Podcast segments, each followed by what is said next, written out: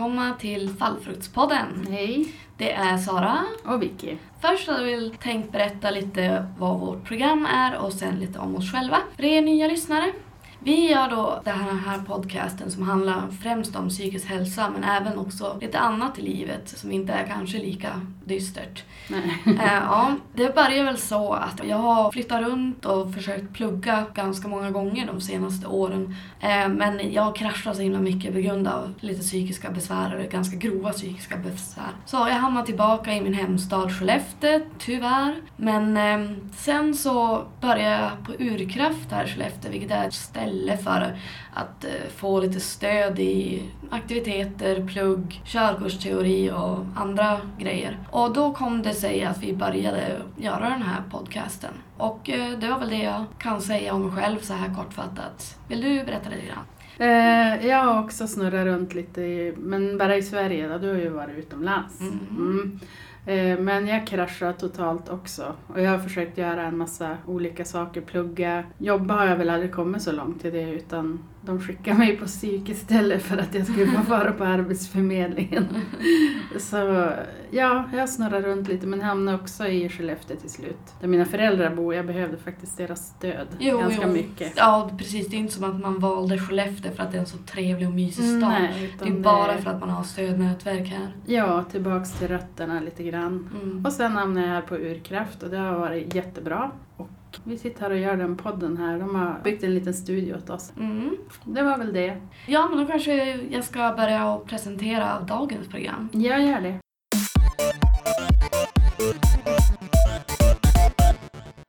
Vi är uppe i avsnitt 19. Så snart 20. Wow! Mycket bra jobbat. Ja, precis. Ja, vi hoppas att nu ska vi försöka ta oss an ett lite mer jobbigt avsnitt än de senaste gångerna som har varit lite mer lättsmälta och mindre upprörande för att vi har varit i en, en jobbig fas ganska Mm. länge nu sedan hösten började och shit went down. Mm. Så eh, i alla fall, dagens avsnitt är paranoia. Och då vill jag påpeka att vi kommer mest prata om lite mer vardagsparanoia. Ja. Om än vår paranoia, eller kanske mest främst min, är värre än gemene man. Men vi pratar inte om alltså, sjukliga vanföreställningar som diagnosen paranoia innebär, som Vicky kommer att prata om. Ja, vanföreställningar och annat sånt. Men man kan ha en paranoid eh, personlighetsstörning har jag Mm. läst. Men den är väl utan psykoser tror jag.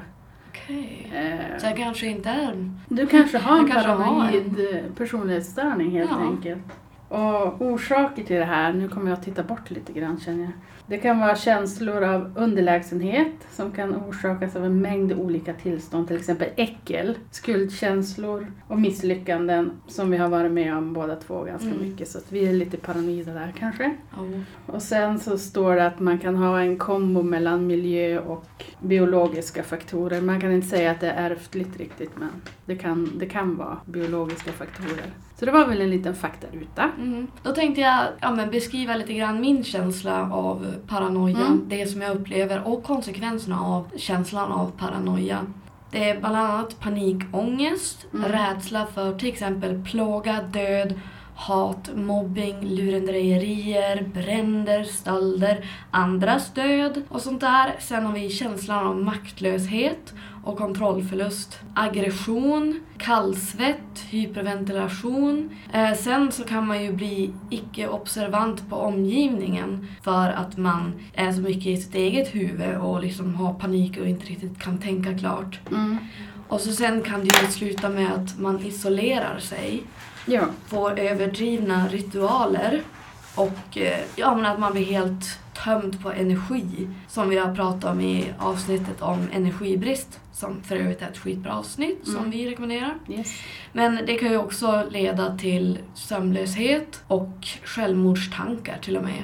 Och självmord om det går så pass långt. Mm. Samt nervösa utbrott och möjligtvis psykoser.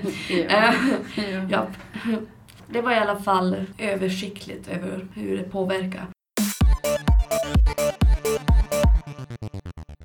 Mm. Men eh, nu hade väl tänkt gå vidare till lite olika kategorier Ja, du har ju lite mer teknisk paranoia än vad jag har, så du kan ju börja berätta om det. Ja, alltså jag, jag sysslar ganska mycket med min dator och håller på att tjafsa. Vissa grejer har jag inte jag tänkt säga för då, då övervakar de ännu mer. Nej, typ nedladdningar. Men även trixa och tjafsa så laddar ner grejer så man, man är lite orolig över diverse saker. Som jag nu har tänkt rada upp. Mm. Alltså nu kommer jag förmodligen att göra folk superparanoida. Men det, det är bra att veta utifall att det här kommer att hända. Jag menar det är inte helt outgrundat, så galen är jag inte. Mm. Men eh, ja, övervakning är en grej som jag är lite nervös över. Liksom mobilen. Jag har faktiskt en app som gör att jag kan blockera min kamera, alltså att andra appar ska kunna använda min kamera för att spionera på mig. Mhm. Och det, läskiga är att för det är så många som begär tillstånd till kameran, vilket man inte fattar. För apparna har som bara, det här, de behöver inte alls min kamera. Så då tänker man, vad är anledningen? Och självklart måste det ju vara någonting ont och farligt. För så Mm. tänker jag. Men, Men- äh, har du något tips på app man kan ladda ner om man känner att man blir paranoid? Eh, Jag tror den heter bara Camera Blocker. Okej. Men när jag så blockerar av den för att kunna ta egna bilder, så står det så här. 58 appar kan spionera på dig. Shit. Ja, så nu vågar jag ju aldrig ha på den. Alltså det var illa, alltså det var dåligt innan men nu är det ännu värre. Ja. Men ehm, sen har vi det här med att folk ska hacka ens uppgifter. Eh, hacka ens konto, stjäla bilder eller allmänna uppgifter om en själv för onda och hemska idéer. Att man ska typ, ja men plötsligt dyker man upp på någon sån här konstig äcklig porrsida med några bilder som någon stulit från Facebook som Som står inte har med liksom- porr att göra. Nej, exakt. Nej. Som de bara, ja men du henne, hon är sugen. Mm. Här är hennes adress. Mm. det är kanske lite överdrivet men ja, sånt händer ju. Man, om man ser på Dr. Phil vet man att de här som har åkt dit för catfishing. är- Förklara vad catfishing Ja, är för det, ja, men det, vet. det är så här eh, personer i Nigeria av någon anledning Mm. um, börjar chatta med folk och typ, ja, men bilda relationer med de här. Och så är det egentligen att de har stulit bilderna från någon helt random person och så sen försökt de få pengar ifrån personerna då. De är skitduktiga tydligen för alltså folk har ju typ kastat bort flera, flera tusen och nästan gjort dem själva bankrupt och grejer. Mm. Så det är inte helt grundlöst. Nej. Och så sen, jag menar, med tanke på att IT utvecklas så jävla snabbt och börjar bli så avancerad och man själv har normala IT-kunskaper, kanske lite över nor- normala Mm. mängder, men alltså det, folk är ju helt galna i- Om de kan hacka typ Pentagons intranät, då, då känns det som att jag är ett lätt mål. och när Ja. man inte vet liksom, hur man ska förhindra saker för att man har, kunskapen, då gör ju det till alltså, ett seriöst hot. Och då kan jag passa på att tipsa om avsnittet vi har om kontrollbehov. Mm. För det här är ju, alltså egentligen paranoia är väldigt sammanlänkat med kontrollbehov. Jo, det är. Ja, Jag kom på en grej. Jag har, mitt Paypal-konto har ju blivit hackat mm, nyligt. det. Det var jävligt läbbigt. Någon hade beställt någon kamera i mitt namn. Men jag vet inte riktigt hur det funkar. Så att jag måste ta itu med det där. Men jag vågar inte gå in på min Paypal-sida för det är kanske mitt lösenord de vill ha. Ja, jag vet inte riktigt. Nej, hur- jag vet inte hur det funkar. Nej. Det är läskigt i alla fall. Fy, den som gör det. Ja. Sen, sen kan man ju påpeka att man läser ju ständigt i tidningen att ehm, folk skickar ut låtsasbrev från banken. Eller från, ja, jag har fått från Volvo till Jaha. och med. Jag har fått från Apple där de påstår saker som absolut inte är sant men förvirrade pensionärer och annat folk har ju gått in på de här och gått in på länkar och uppgett deras uppgifter och liksom fått hela deras konto länsat eller annat. Mm. Men det här spär ju på IT-paranoia. Men eh, det var det om det tekniska.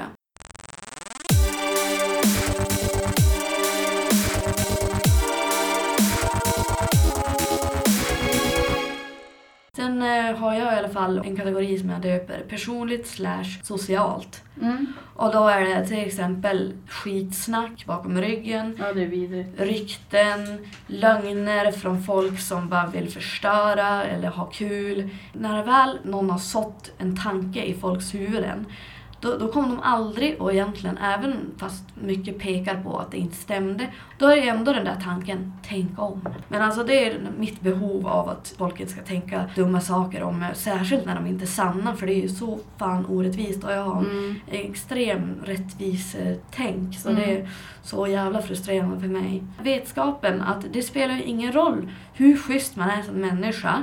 Folk är inte alltid logiska, rättvisa eller friska i huvudet. Nej, det är de inte. Ja, så jag menar saker, dåliga saker kommer att hända och har hänt tusen Har hänt. olika gånger också. Ja, när jag bodde i Byske då gick det rykten om att jag knarkade, så skitsnack är jag ganska van vid. Och sen när jag flyttade tillbaka typ 20 år senare, då var fortfarande ryktena sanna i Byske. Så att det var fortfarande människor som tog avstånd från mig för att jag knarkade typ när jag var 15. Det är ju sinnessjukt. Men ja. Annars så rör inte skitsnack mig så mycket i ryggen. Det är otrevligt men inte sådär att jag går omkring och tänker på att bli paranoid av det. Nej, alltså egentligen, det, det är ett tecken på dålig självkänsla det här att jag bryr mig så himla mycket vad folk tänker om mig. För det känns som att om folk tänker dåliga saker om mig, då är det mitt värde är. Mm. Att min, varför ska min åsikt om mig själv vara den som är sann Ja. om många andra säger andra saker? Mm. Men eh, ja, det, det, jag har problem. Jag har problem, jag vet det. Alltså bekräftelsehora gånger hundra. Mm. Ja. Vi har också pratat om utanförskap. Ja. Och då har jag nämnt att jag har blivit lite mobbad. Och det har gjort att jag är paranoid runt yngre män i grupp. De är äckliga. Ja, Eller läskiga. De är läskiga. Mm. För det känns som att ja, men jag är fortfarande den personen jag var med lite modifikation. Mm. Och om jag är fortfarande den jag är, då är de fortfarande yngre män i grupp. Och då kommer de att agera som de andra yngre männen i grupp gjorde när jag var mindre. Var det mest män, eller pojkar var det väl då, som Ja. mobbade eller var det tjejer också? Nej, det var, det var bara killar som mobbade mig. Så nu Mm. jag, blev jag utfryst av tjejer ja, typiskt. Och visst, de snackade lite skit om min rygg och kallade mig bred och sånt där. Mm. Och så att jag var sur, men det är mest alltså, yngre män i grupp. Ja, okej. För att de är alla bastards Mm. ändå. Ja. det är då. Yes. Har, har du någonting om vad gäller typ sånt? Eh, nej, jag kan inte komma på någon gång när jag blivit mobbad. Det har, det har förmodligen hänt lite bråk och tjafs och där och det är med tjejer då. Då borde du vara rädd eh, för, För tjejer i grupp. tjejer i grupp. Ja, men det är jag också. Men inte lika rädd som för unga män i grupp. Mm. Ja.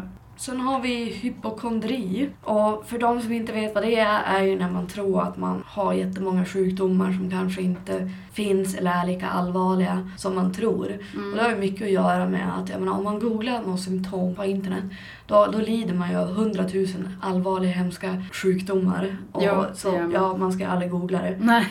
Sen så är jag ett fan av att se dokumentärer och jag menar, läser man nyheter så hittar man också massa, ja men ebola och ja men och jag blev förlamad av en fästing Mm. och sådana där saker. Och Mm. jag, jag är väl inte så här superhypokondriker men det är för att jag försöker att undvika att spä på den här paranoian. Men vad, vad gäller eh, dokumentärer och sånt och nyheter så kan man också bli paranoid av att det, alla är psykopater omkring en om man ser crime-dokumentärer. Ja, Alla är psykopater och kommer att kidnappa en och göra hemska saker. man kan inte lita på någon. Nej, precis. Nej.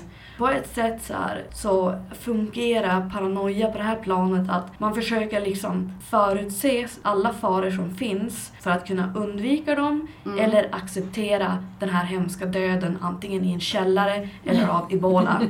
så det är lite av en självbevarelsedrift särskilt. Mm. Alltså, eller ja, det är det. Men eh, massivt överdrivet. Eh, Jag, jag är nog inte så hypokondrisk av mig. Jag, jag ser också dokumentärer och så men som sagt jag är lite som en gås med vatten på. Men jag kan bli nojig när jag läser biverkningsförpackningstexterna. Mm. Då hittar man ju alla biverkningar som man någonsin kan få som plötslig oförklarlig död och det där. Ja, att man får andningsuppehåll eller kan... Allergiska reaktioner. Ja, gud, det också. Anafylaktisk chock. Ja, Typ. ja, det finns mycket biverkningspapper som man ska låta bli att läsa. Så Har- gör för fan inte... Har du varit med om några så här ovanliga, hemska bieffekter på mediciner? Ja, men jag spydde ju en hel sommar, det var inte så jävla roligt. När jag började med Zoloft, då mådde jag inte bra. Och det stod så här illamående. Ja men illamående känns ju lite lätt och luftigt. Så Ja. ja men lite illamående. Men jag spydde och spydde och spydde och Shit. Jag tänkte att ja, men det går ju över snart. Ja. Och det gjorde det ju, men det tog en hel sommar så det var inte så jävla kul sommar. Nej. Jag minns mig ju- själv i pappas bil med en påse. Jag menar, det är ju meningen att sådana där tabletter ska få en att må bättre men man blir inte mindre deprimerad om man går runt och var tvungen att spy Nej, nej, det var jävligt deprimerande. Det är som när jag tog medicinen Brintelix Mm. ungefär ett år sedan när vi började med podcasten. Den gjorde ju att jag var så jävla trött så att jag, jag kunde ju, jag fick typ myrkrypningar och bara jag låg ner. Mm. Jag kunde inte stå upp eller göra ett skit. Alltså jag var ju deppad av den. Och den skulle jämna ut humörsvängningar. Mm. Ja, Men. Istället blev jag deprimerad så tack. Tack för den. Ja. Sen Voxra hade jag också mot antingen om det var ångest eller om det var depression. Men jag har epilepsi och den ska man för det första inte ge till folk med epilepsi. För den orsakar krampanfall Ja. väldigt lätt. De flesta krampanfallen jag har fått det när jag har haft Voxra. De har skrivit ut dem till mig två gånger i rad. Trots att man inte ska ge dem till folk med epilepsi. Eller till folk med ätstörningar. Mm. För att det sänker aptiten och gör en mer hyper.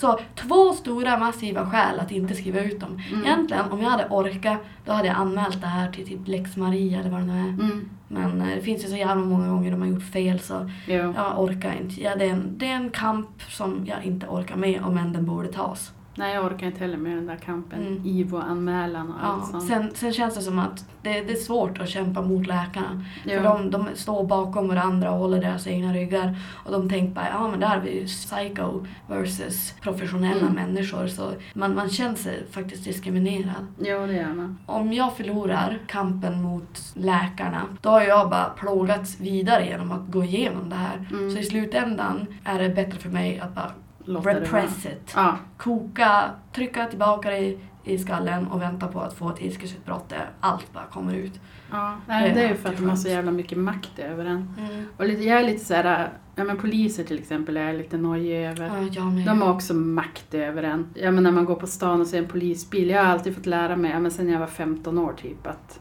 poliser är svin. Och jag tror ju det fortfarande. Mhm. Eller det känns, jag mår så jävla dåligt när jag ser poliser för att jag är så rädd att jag ska ta ett snedsteg eller vingla till eller se misstänkt ut eller någonting. Så de, de är jag nojig för. Ja, men det, alltså, det är jag med. Och så sen vet man ju att psykopater, som jag tror alla är nästan, eh, de drar sig till sådana här auktoritära Ja, jobb som maktyrken. läkare och poliser Mm. och allt sånt där. Ja. Advokater till och med. Jag började bli lite rädd för polisen redan som liten för att mamma var alltid rädd att hon skulle bli stannad för fortkörning. Mm. För hon lite, har lite blyfot så att säga. Så jag vart supernöjig över det. Eh, jag måste pausa tvärt. Eh, jo, vi var tvungna att pausa tvärt. Det var ett litet tekniskt missöde här. Någon har varit här och grejsat med datorn. Eh, och den höll på att dö så vi var tvungna att byta, eller sätta in laddningskabeln. Jo. Nu är vi tillbaks och Ja, pratar om precis. poliser var vi på. Ja. Eller hade vi pratat färdigt om Nej, poliser? nej, jag bara började prata om så här, bakgrunden till min rädsla för polisen. Mm, just Jo, som var, min mamma var rädd för fortkörning och eh, gjorde mig skiträdd för hon bara ah, där är polisen! mm. Så vi som bara skrek där i baksätet. Eh, ja, men jag har ju ungefär exakt samma tankar som Vicky. Det här med att man är rädd att man ska antingen ja, men vingla till och de ska tro att man är påverkad. Att man ska se så nervös ut och Mm. de tror att man har gjort något. Sen vissa mediciner, speciellt psykmediciner, gör att man kan få stora pupiller. Mm. Och när jag har tagit sådana mediciner då, då ser man ju hög ut. Jag har blivit typ anklagad av läkare. Bara, alltså, du, har du tagit någonting? Okej. För att jag har haft stora pupiller. Mm. Så då är jag rädd att liksom, titta dem i ögonen och det gör ju inte saken bättre. Nej, det gör jag Så, inte. mm. Jag har haft lite med polisen att göra någon gång då och då. Och, men då har de varit schyssta. Men då har jag väl varit på rätt sida lagen. Så Mm. Det har varit som okej. men de få gångerna gör ju inte att jag tycker att de är mindre svin för det. Jag är fortfarande rädd för polisen. Jo. Eh, vad gäller blickar som vi gick igenom nu Mm. eh, så är det, gäller ju det även andra exempel, man vill ju inte att andra heller ska tro att man är påverkad eller har gjort någonting skumt. Nej. Eller att eh, man ser weird ut eller att man går konstigt. Det har jag också nämnt i program. Ja, att man, när jag börjar tänka på hur jag går, då kan inte jag gå. För då blir jag helt Jo, förstenad. men då blir det ju inte en reflex, alltså hur Nej. man går. Då blir det så här aktivt, Mm. måste tänka hur jag ska vrida fötterna. Ja, precis. för att gå Ett steg framåt. fram, ett steg fram. Ja, på ett sätt så är det härligt då på vintern för då går alla konstigt Ja. eftersom att vi alla bara går omkring som liksom pingviner. Ja, och vagga fram och är rädda för halkan. Jo. Och skjutsa i snön. När vi ändå är inne på området att vara utomhus bland folk Mm. så är det ju där att bli attackerad utomhus om Jo, man är tjej och går på natten. Alltså, vi har båda varit med om hemska saker eh, utomhus och sånt Mm. men jag är, jag är faktiskt inte så, så rädd ändå trots det. Nog för att mycket har hänt utomlands och i lilla Skellefteå har väl inte det varit så, så hemskt. Men jag tänker lite så här, jag har ju en del aggressionsproblem som tidigare nämnt också i avsnittet ilska, promotion i alla fall. Men, så att det känns lite grann som snälla ge mig en anledning att få slå tillbaka. Mm. Men då självklart, Gud hatar mig, jag får inte den chansen. Inte än i alla fall. Det kommer.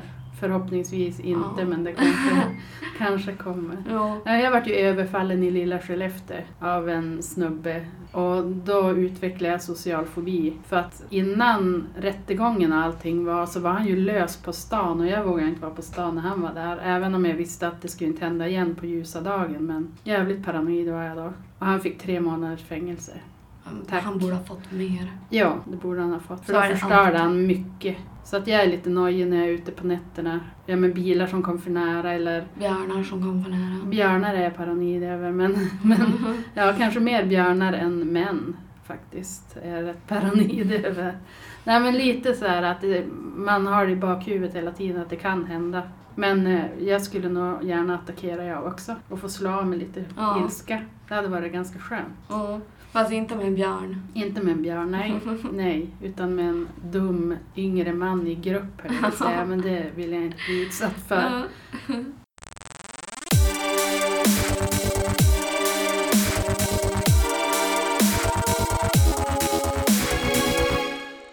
Eh, Sen har vi ju paranoian över att vara galen, eller mer galen. Eller att sakta sjunka in i vansinne så att man förlorar all verklighetsuppfattning. Mm. Att man inte inser att man tolkar världen helt fel. Och, men jag känner lite så här, hur mycket mer plåga och trauma pallar jag innan jag förlorar förståndet? Och kommer jag att veta det? Och så sen tänker jag, ja, men om jag börjar tänka så här, kommer det att göra mig ännu mer galen? Ja. Om jag funderar på vansinne. Är det så det händer när folk liksom hamnar i psykoser? Eller, för du har ju haft en psykos. Du Jag måste ju vara rädd över att... några, några psykoser har jag Ja. haft. Och de går att skratta åt nu för de var som ganska lindriga. Men just då var jag ju inne i en... Det var ju verkligt för mig. Men jag är inte så rädd för att hamna i en ny psykos just nu. Är det några kännetecken? Nej, alltså jag börjar ju höra saker som inte fanns. Det har jag inte gjort på länge så att jag tror inte det är någon psykos på gång men man vet ju aldrig. Det är, Ja. det är alltid lite läskigt faktiskt. att inte veta om man sjunker djupare ner i vansinnesavgrunden då. Men Jag är, rädd, jag är rädd att jag ska bli som förut, att jag ska tappa alltså, all humör och all kontroll och bara gå bärsärk någon gång. Mm. Det är jag mer rädd för än psykos. Faktiskt, jag med.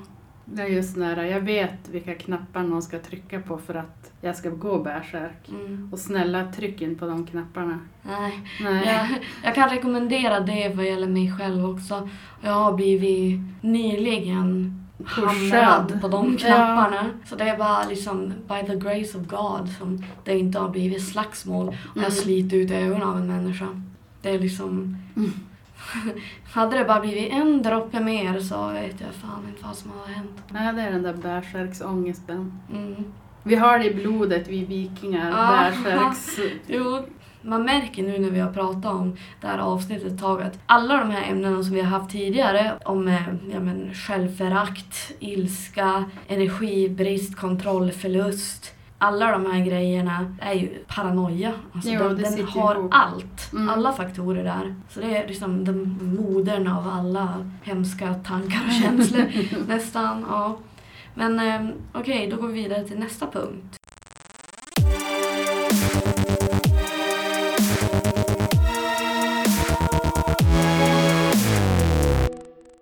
Världens, eller samhällets kollaps till exempel växthuseffekten, resursbrister, skövling i regnskogen, total anarki, kärnvapenkrig, globaliseringen. Och det menar jag att man blir för beroende av varandra och för tekniken. Så att om det liksom, någonting av de här i kedjan brister, då blir det total kaos i samhället. Mm. Men alltså, jag, om jag börjar tänka för mycket alltså, Då brakar. Ja. Eller när jag sjunker in i det här vansinnet vi pratar om, då kanske jag isolerar mig, bygger en bunker och Mm. isolerar mig. Ja, den tanken har ju kommit upp någon gång. Jag bor med en människa som har lite så här prepping-tankar att "Åh, jag ska bygga en bunker och jag ska samla på mig vapen och jag ska samla konserver för det kommer att komma en stor explosion någon gång och världen kommer att gå under men då har han sin bunker. Ja. så han är lite paranoid kanske. Ja. Mm. Nu avslöjar jag det också, förlåt. Yes.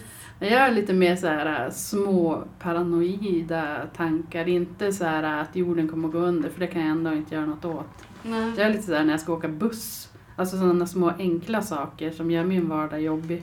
Att jag är rädd att jag ska fastna i bussdörren när jag ska kliva av eller att busschauffören ska glömma mig eller att han ska köra ihjäl mig eller någonting. För det är inte alla busschaufförer som kör så bra känner jag. Nej. Inte på vintern speciellt. Nej, precis. Speciellt vid min, min busshållplats nära min lägenhet. Typ mitten av en väg. Det är egentligen ingen trottoar. Nej. Ibland när det snöar mycket, vilket fan alltid gör, Mm. då är det så höga och tjocka plogkanter att man måste nästan alltså gå i sidled mellan bussen och plogkanten Aha. för att liksom ta sig till gatan. Mm. Och då är det bara, ja men om jag glider kan jag glida under bussen och bli påkörd. Ja, precis. Man blir överkörd av bakhjulet. Mm, så det, det känns väl lite otryggt. Men jag håller med, med det där med att men det ska vara så mycket folk i vägen och jag Mm. är lite kort, liten så ingen ska se mig och jag fastnar mitt i ingenstans. Mm. Och, ja, det, det kan spinna vidare hundratusen olika steg efter det vad som kommer att hända. Och, ja. Men det, det är inte så stor paranoia. Det känns som det går att leva med.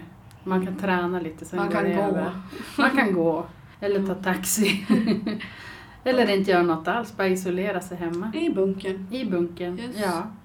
Eh, Men eh, sen har vi en grej kvar, om inte du har någonting mer efter det, innan vi börjar med hantering och lite grejer. Det är det här att om folk ljuger, hur mycket folk ljuger. Mm. Till exempel ja, men, eh, vad de tycker om en som person, vad de tycker om ens utseende, om de gillar våra podcastavsnitt, för där har jag varit helt trasig i det här med att få bekräftelse för dem. Mm. Så där, och eftersom att vi ändå blottar oss väldigt mycket så känns det som att jag måste få bekräftelse att det är värt det. Mm. Det kan man inte veta när man inte vet hur mycket folk ljuger.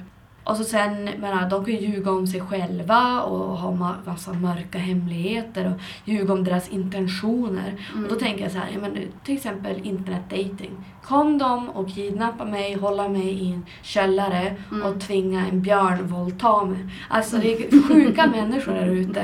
Ja, och ju mer man ser på sådana här dokumentärer som vi tidigare pratade om, desto mer paranoid blir man ju. Mm. Psykopater överallt som ljuger och bara tänkt locka in en i sin håla.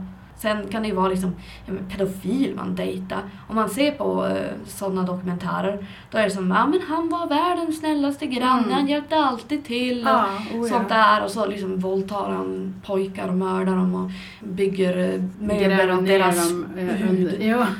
Ja, så det är också en till punkt jag är paranoid. Alltså uppenbarligen så har jag bara paranoia över alla områden som man Mm. kan ha det. Så. Ja, när vi läste lite om paranoia så dök det upp svartsjuka också. Så jag tänkte bara, nej, jag är inte speciellt svartsjuk. Är du? Nej, Den paranoian har du inte eller? nej faktiskt inte. Nej men det är skönt. Det är vanligt nog, men det är kanske för att jag inte varit ihop med någon jag bryr mig om. Nej. Så, nej, Då fick du det sagt. whoops. nej, jag har väl inte haft så himla bra eh, historik där med killar så.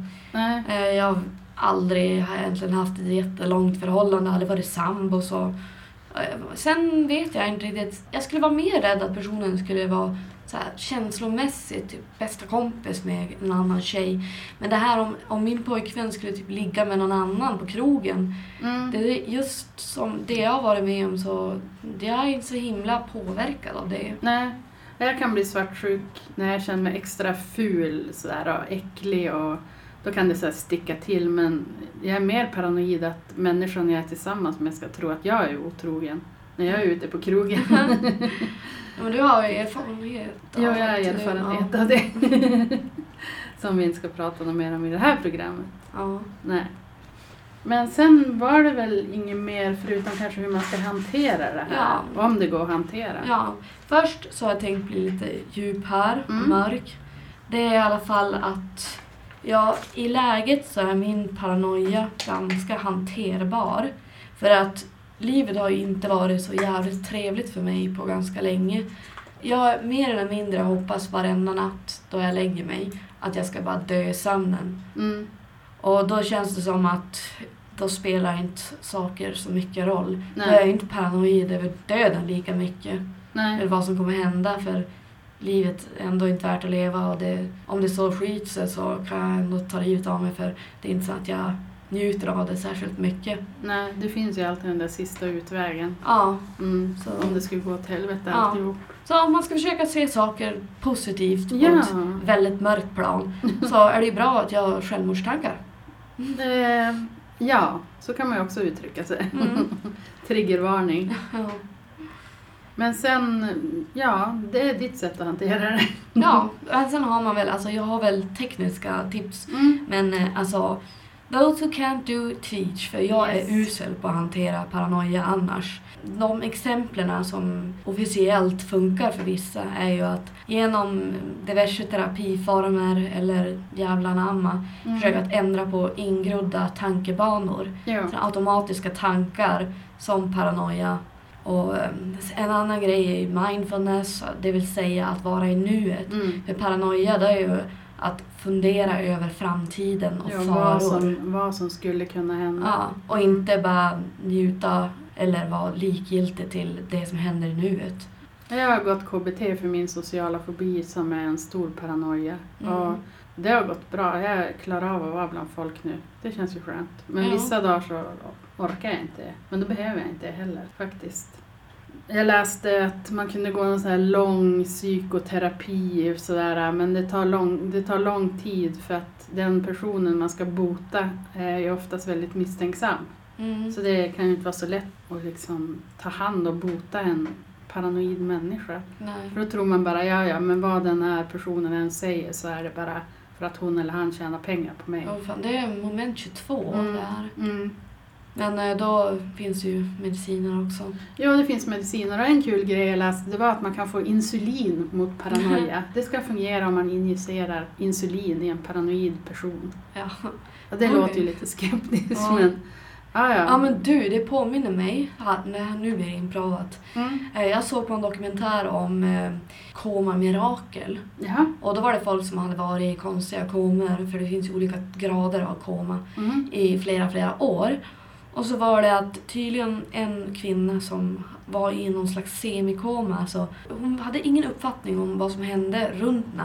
Men de kunde, om de liksom gick med henne så kunde de som fösarna framåt. Så Alltså hon hon kunde var som inte, gå. Alltså, på något plan. Hon Ja. var inte bara som en morot. Men eh, då var det i alla fall tydligen så att hon verkade vara så här upprörd fast hon inte vetat var hon var eller Mm. något sånt där. Och då hade någon av sjuksköterskorna gett henne sömnpiller. Jaha. Och då hade hon börjat återfå medvetandet Jaha. av sömnpiller. Nice. Ja, helt insane. Det lät jävligt avigt. Jag vet. Ja. Bra Skitkonstigt. grej, prova. Ja. Ja det, det var en väldigt rörande dokumentär. Ja, det Skitcool. lät. Man fick se, de hade ju filmat när de liksom, när man såg människan börja liksom, alltså fick liv i blicken. Att de började tänka eller vakna. Wow. Det var jätteläskigt. Ja, Ja, ja, det lät häftigt. det var spooky nästan. Ja. Men eh, tillbaka till hantering. Mm. Ja, en grej är ju att man måste försöka påminna sig. Och det är någonting som fungerar lite, lite grann för mig. Och det är att påminna sig själv att man inte kan styra över saker som det inte finns konkreta bevis för eller som man ändå inte kan kontrollera. Mm. Och att det är slöseri på tid och det är bara plågsamt och dränerar en på energi och gör, gör paranoian värre. Mm. Och att man ska utmana sig själv och fortsätta och göra saker som kanske tar emot på grund av paranoia. För ju mer och mer man utesluter, desto mer paranoid blir man och Mm. utesluter ännu mer. Och sen är ju oftast inte alltid då, saker lika farliga som man trott. Så det är väl de hanteringsmekanismerna jag kommit på. Ja, jag gick ju som sagt KBT i tre terminer och sen kom jag på så här att oj, jag kanske inte är centrum av universum sådär. Alla kanske inte tittar på mig eller orkar bry sig om mig. Så då var det lite lättare, men då var jag tvungen att sluta när jag råkade nämna det för de andra klienterna. Ja. för då, då, var, då tyckte de jag var för hård. För det, det känns ganska hårt att säga så till sådana som är paranoida eller har social fobi eller så. Men, Men sen- det kan man ju också tänka på. Ja. Men lite deppigt är det. Alltså jag som har bekräftelsebehov Mm. i sjukliga nivåer. Det är bara liksom, aha, jag har blivit ignorerad och varit liksom utstött många år av mitt liv. Och bara att känna att bara, nej, jag är helt osynlig. Ja. För jag är ju lite allt eller inget. Antingen så tittar alla på mig på gott eller ont, oftast ont. Mm. Eller så är jag totalt osynlig och har ingen makt över Mm. någonting. Men det är ju för att jag är fucked up. Så. ja. Ja. Nej, ska jag säga, inte jag. Du är fucked up. Nej, det är du inte. Mm. Bara lite. Ja.